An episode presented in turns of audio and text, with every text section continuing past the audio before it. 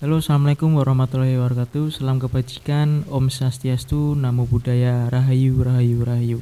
Nah, ini podcast pertama saya yang berjudul podcast Ormas, obrolan mahasiswa. Nah, obrolan mahasiswa ini membahas tentang kisah-kisah yang dilalui seorang mahasiswa atau mahasiswi di kampus universitas di Surakarta yang mempunyai kisah menarik ataupun kisah yang berkonteks negatif bisa disampaikan di podcast kali ini. Nah, topik yang pertama saya akan bahas yaitu menikah, ayah, dan kuliah. Nah, saya ada cerita satu teman saya pas kuliah eh, baru-baru uh, menjadi mahasiswa yaitu dia sudah melaksanakan separuh agamanya yaitu menikah di tahun kemarin dan sekarang sudah dikaruniai satu orang anak perempuan yang bernama Maila. Terus cantik sih seperti ibunya. Barangkali ya kan. Nah, penasaran kita akan membahas menikah, ayah dan kuliah. Langsung saja kita tanyakan kepada Bayu Rizdi sendiri. Halo Bayu Rizdi, apa kabar?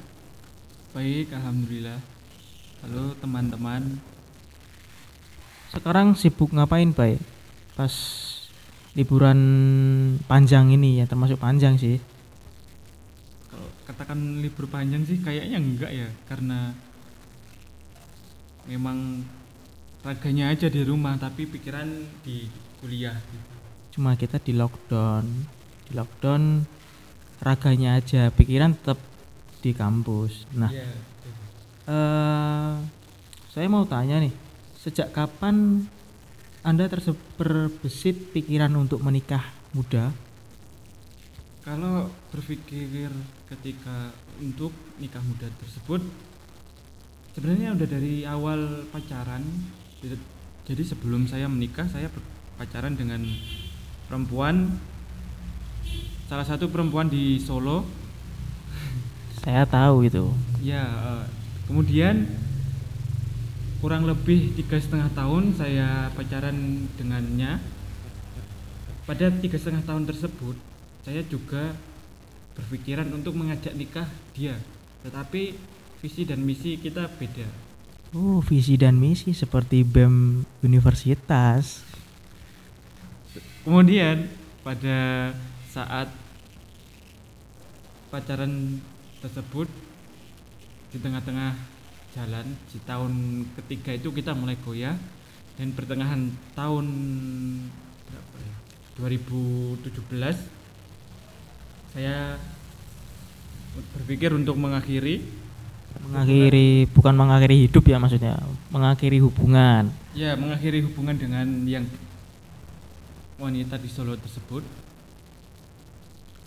Singkat cerita kemudian sebelum sebelum putus saya sebenarnya sudah kenal sama istri saya yang sekarang dulu pas masa orient, orientasi mahasiswa ya. Ya, masa taruh. Ya, masa taruh kalau di kampus kita.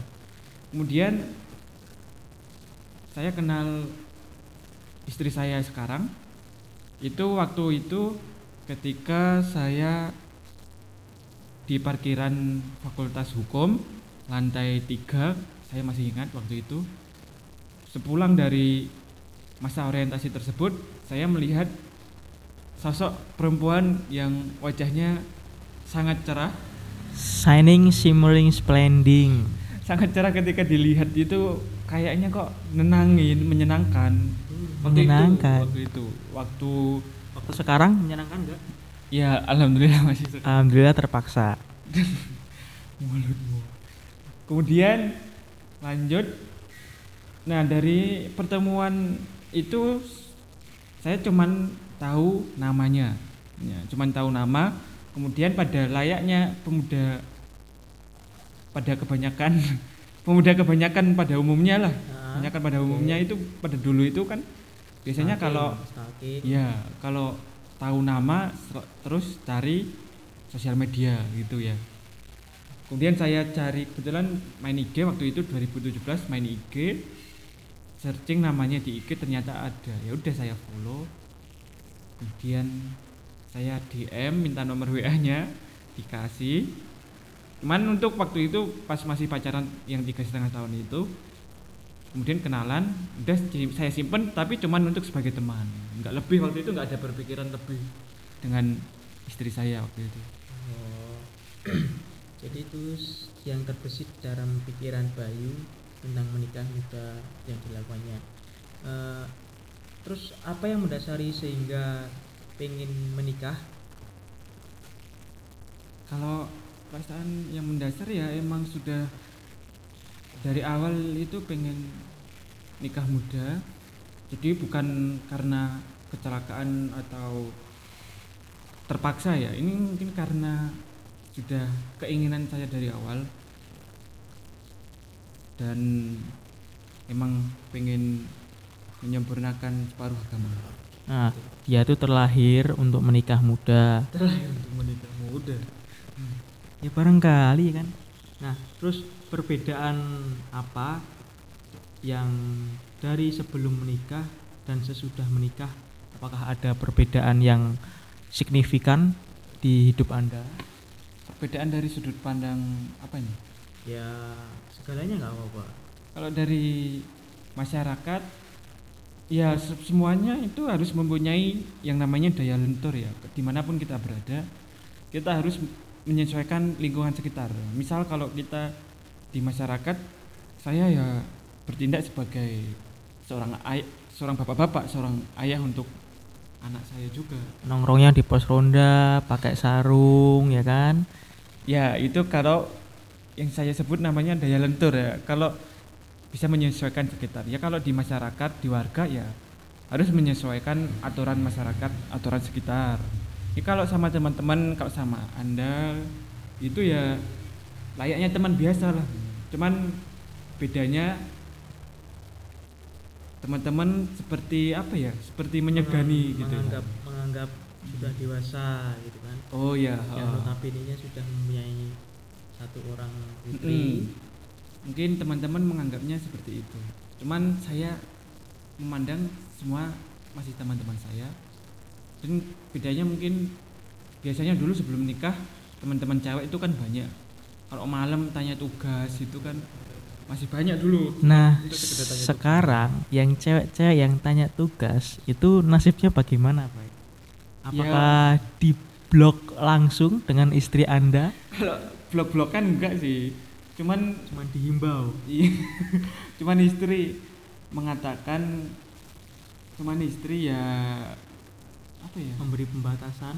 Iya, memberi pembatasan kalau di atas jam 9 itu perempuan kalau ngechat ya enggak enggak, enggak usah dibales. Nah, untuk kalian teman-teman Bayu yang cewek itu sadar diri. Dia sudah punya istri. Kalau ngechat ya jam pagi, siang, sore bisa. Jangan jangan sampai jam 9 lebih lah. Itu kan waktu-waktu yang wah wah wah, waktu yang sudah termasuk intim gitu kan. Jangankan jangan kalian mentang-mentang teman Bayu harus langsung direct pesannya. Ya dia kan punya tanggungan sendiri. Mentang-mentang kamu temennya gitu loh. Ya muhasabah lah diri Anda, wahai wa- teman-teman Bayu yang cewek. Nah, eh, lanjut dari segi finansial untuk menikah itu dari mana? Kalau dulu waktu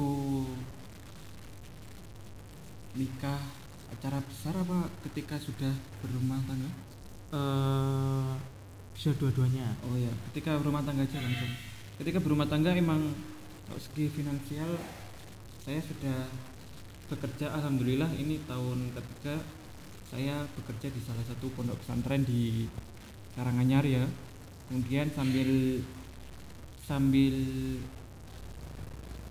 ngajar tersebut gaji tersebut saya investasikan ke ibu saya kebetulan ibu saya punya usaha yang lumayan besar sih Oke, dalam usaha seperti apa, Bay?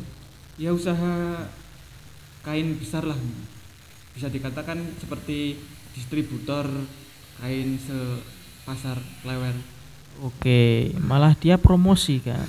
Nah, eh, lanjut, Ya, jadi kalau mau cari mukena murah bisa japri saya Bang. Set malah promosi maneh, Cok.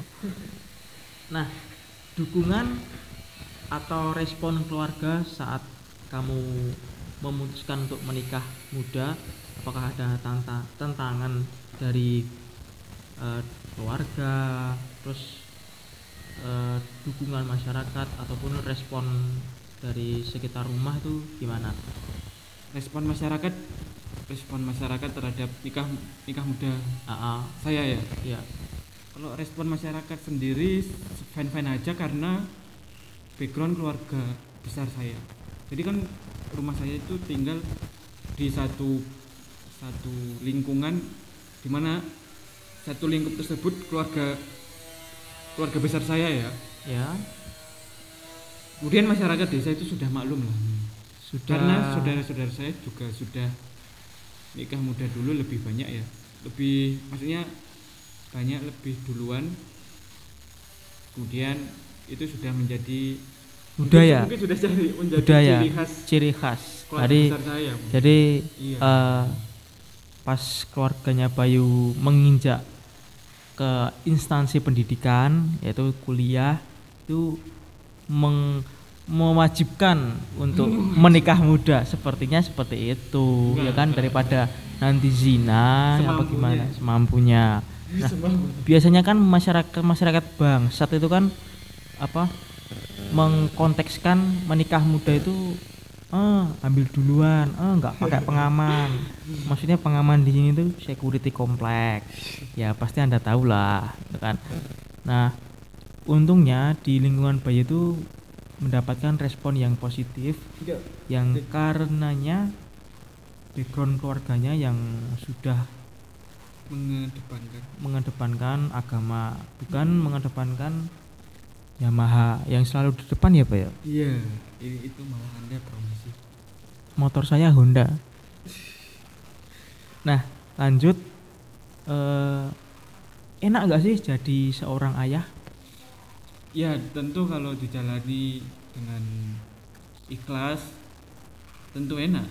Ya seperti nggak ada beban lah gitu cari nafkah cari cari apa pun itu untuk keluarga enak lah rasa enteng.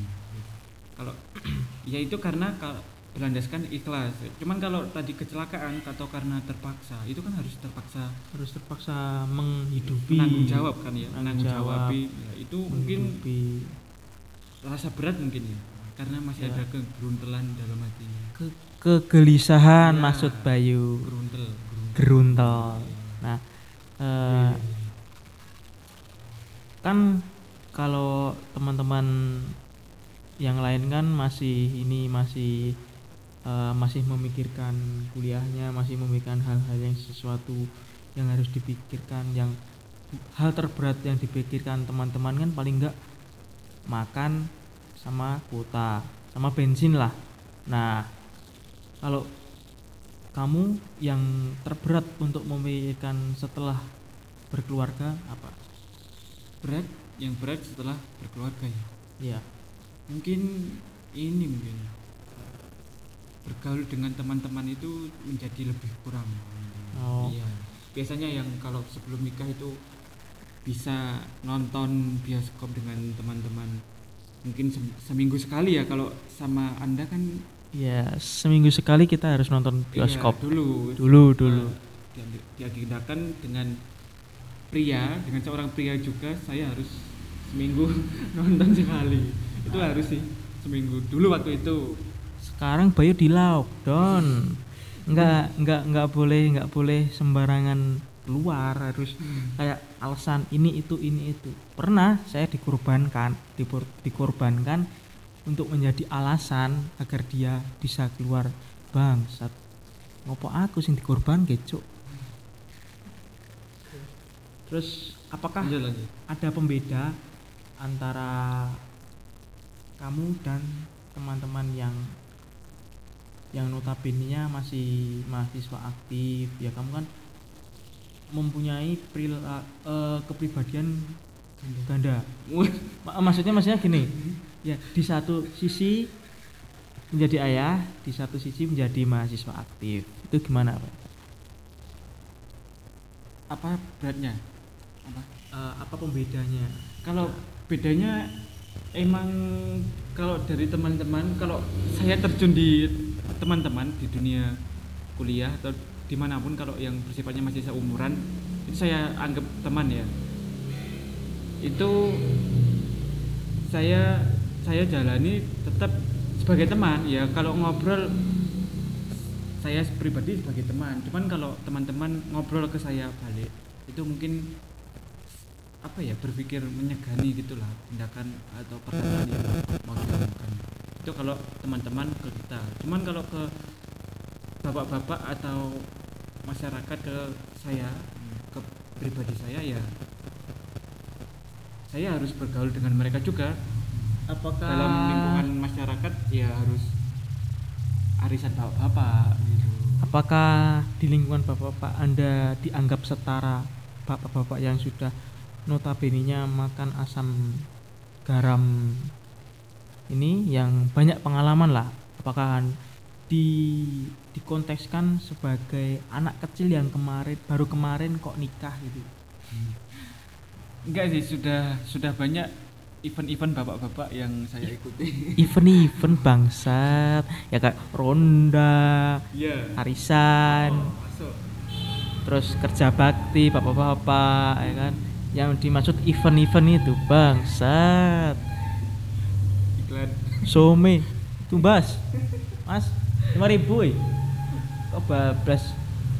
Nah terus eh, apakah anda punya rencana ke depan eh, fokus menjadi ayah ataupun melanjutkan kuliah sampai S2 ya ke depan tetap saya jalani kedua profesi tersebut tetap menjadi mahasiswa dan tetap menjadi seorang bapak untuk anak. Kemudian kalau dijalaninya sebagai mahasiswa tetap saya harus menyelesaikan kuliah ini karena apa ya kuliah ini sangat seru. Kalaupun ada tugas yang sulit kita kerjakan bareng-bareng. Maksudnya kerjakan di sini kerjasama. Lah antum enak ke kerjaan kuliah dibantuin istri antum. Lah saya harus PC beberapa teman saya yang kadang bangsat juga enggak dibales-bales. Dia balesnya sudah pas selesai ngerjain kan bangsat.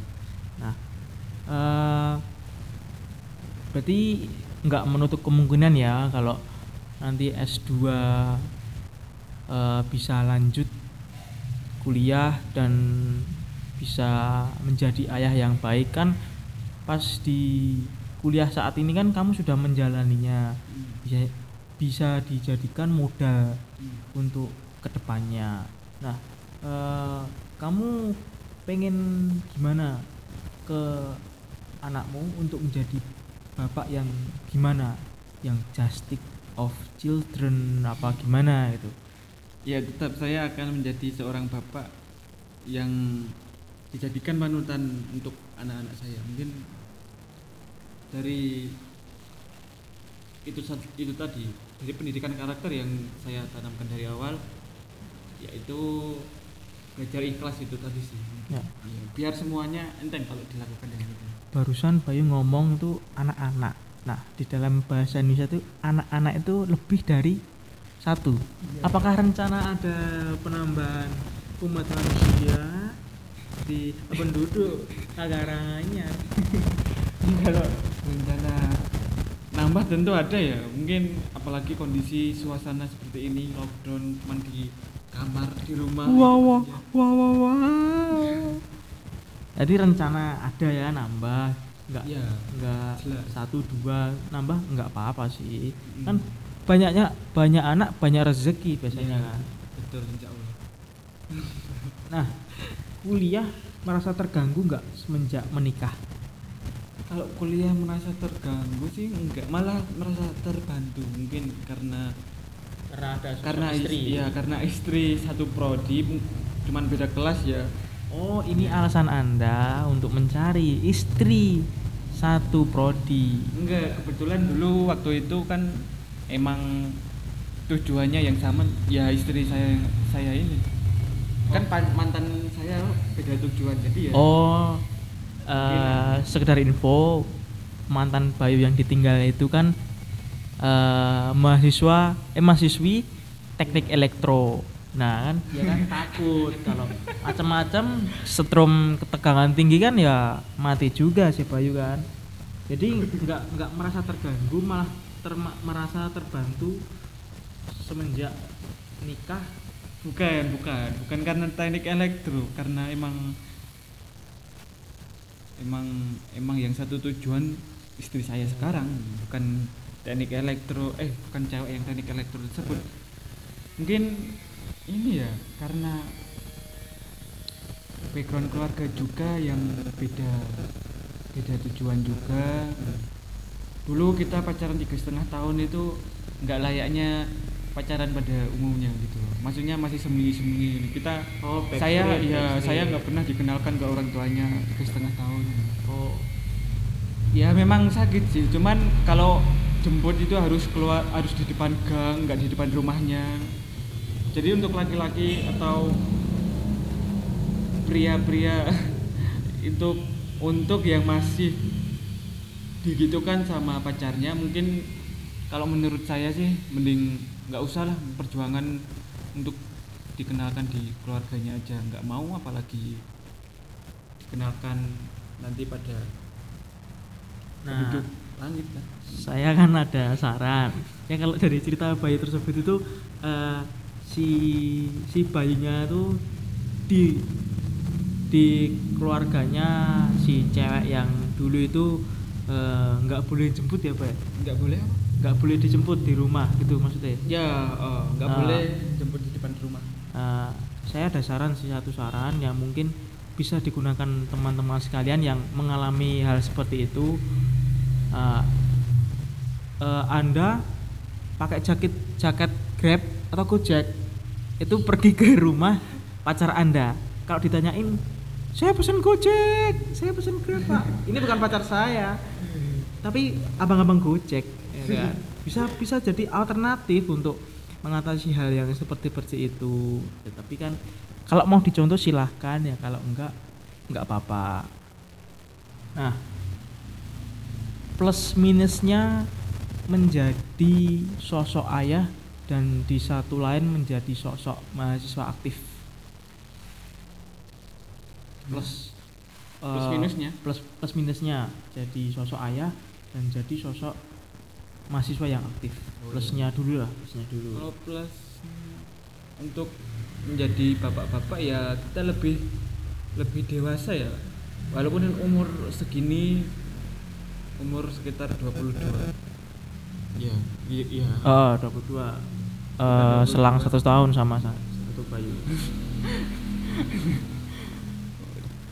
itu plusnya mungkin menjadi lebih dewasa karena bergaulnya dengan bapak-bapak dan gaya bicara kita tuh lebih bisa memilih-milih mana yang Baik mana yang cocok kita. untuk diomongkan dan mana yang tidak cocok untuk disimpan ya kemudian minusnya untuk menjadi bapak-bapak ya mungkin karena masih bisa dikatakan mudanya jadi ini pengalaman untuk menjadi bapak-bapak itu belum banyak jadi kalau bapak-bapak menanyakan tentang tentang sekitaran hal-hal yang sekitar yang Ya, oh, dilakukan pokoknya perihal bapak-bapak gitu saya masih saya belum masih ngeh. sedikit gitu lah pengetahuan Oh. tersebut mungkin itu kalau dari sudut bapak-bapak ya Mm-mm. kalau sudut mahasiswa plusnya itu mungkin kuliah jadi lebih enteng karena tentu ada yang menyemangatin se- setiap hari kalau kuliah males malesan. Bias- biasanya kan kalau kuliah sebelum nikah itu males-malesan bangun mepet-mepet banget. Ini ada Kalau yang kuliah. bangun nih Iya. ada yang Sekarang ada yang sarapan. dan ada yang buat kalian yang menyemangatin lewat WA lewat story insta story lah eh, anda nggak guna sebenarnya. Cuman itu formalitas saja. Kalau eh, ya ampun aku disemangati tapi responnya biasa aja. Kan sudah setiap hari kayak gini. Nah si Bayu ini sudah mengalaminya secara langsung. Jadi eh, bangun tidur lihat istrinya terus ya udah disemangatin. Pas Iya, kuliah iya, iya. ya udah gitu aja. Malah malah seneng bayunya ya kan? Bang saat enek sumi liwat baik nah eh, respon dosen ketika anda menikah gimana? Respon dosen setahu saya ini sih udah pada tahu mungkin. Dan ada salah satu dosen di mana saya sering bertukar pikiran dengan beliau oke ya tentang kuliah maupun tentang rumah tangga Gitu. Nah, kemarin kan eh, saya mengalami eh, apa mau mengajukan cuti. Nah, ini ada info eh, seputar menyangkut Bayu juga. Nah, saya kan mengajukan cuti ke sekretaris prodi. Nah, kebetulan sekretaris prodi itu yang dimaksud dengan Bayu tadi, beliau tadi kan. Nah, setelah berbincang-bincang tentang cuti, nah disarankan untuk cuti satu semester. Nah, sehabis berbincang-bincang tentang cuti, eh, dosen ini nyeletuk satu kata itu kan, Mas mau tanya, eh, kamu tahu Bayu? Iya Bu, itu teman satu kelas saya, satu wilayah Karanganyar juga gitu kan. Duh, saya malah eh, malah baru tahu gitu kan. Terus saya mau tanya boleh mas? Iya bu nggak apa-apa. Eh, sambil buka HP dia nunjukin foto gitu kan. Ini beneran mas? Anaknya Bayu? Gitu kan. Loh kaget kan dosennya kayak nggak percaya gitu kan. Se se apa semudah Bayu itu sudah bisa membuahkan seorang anak gitu kan? Yang notabene-nya ya masih ya di, kalau dikatakan cukup umur cukup ya Pak ya? Kalau nikah nikah kan maksimal eh minimal berapa tahun toh naik nikahi? Laki-laki 20 laki-laki 20 cewek 19 nomor 18 19 nah di ibu dosen ini nyeletuk gitu kan. Mas ini beneran anaknya Bayu? Ya kan saya jawab iya bu itu bener anaknya Bayu. Loh nikah? Nikah baru kemarin aja kok udah punya anak itu kan ya mana saya tahu bu saya kan nggak ngurusin hidupnya Bayu ya kan? Itu urusan eh, Bayu dengan istrinya gitu kan. Saya nggak ikut campur gitu loh. Nah terus apakah kamu ada saran untuk teman-teman teman-teman untuk jangan menikah muda sebelum siap Iya, saran saya untuk teman-teman yang posisinya kuliah ya. posisinya kuliah Teman-teman untuk yang masih kuliah dan sedangkan sedangkan kebelet maksudnya kebelet apa ya? Pengen Ngebet- segera ngebet ya, nikah. ngebet pengen nikah nikah. gitu.